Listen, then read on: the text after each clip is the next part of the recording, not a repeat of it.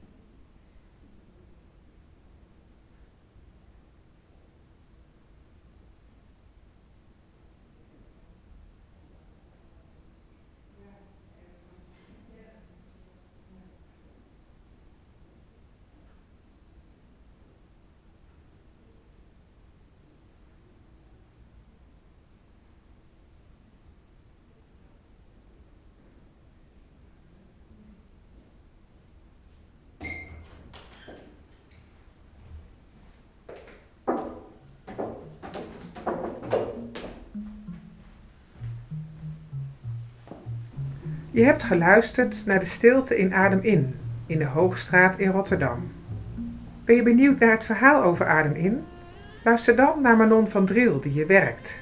Zij vertelt in een andere aflevering van Lekker Stil een persoonlijk verhaal over waarom met stilte omgaan zo lastig kan zijn. Heb je meer behoefte aan stilte? Er vallen nog veel meer unieke stiltes te beluisteren. Laat me je bijvoorbeeld meenemen naar de stilte van het vliegveld Schiphol, of van een trappistenklooster, of de stiltecoupé. Daarnaast vind je in deze podcast van Lekker Stil bijzondere verhalen over stiltelaboratoria, zoektochten, het ritme van stilte en de pracht van de ochtendstilte. Verrassend hoe stilte mensen kan verrijken. Je vindt het allemaal in deze podcast-app. Veel plezier!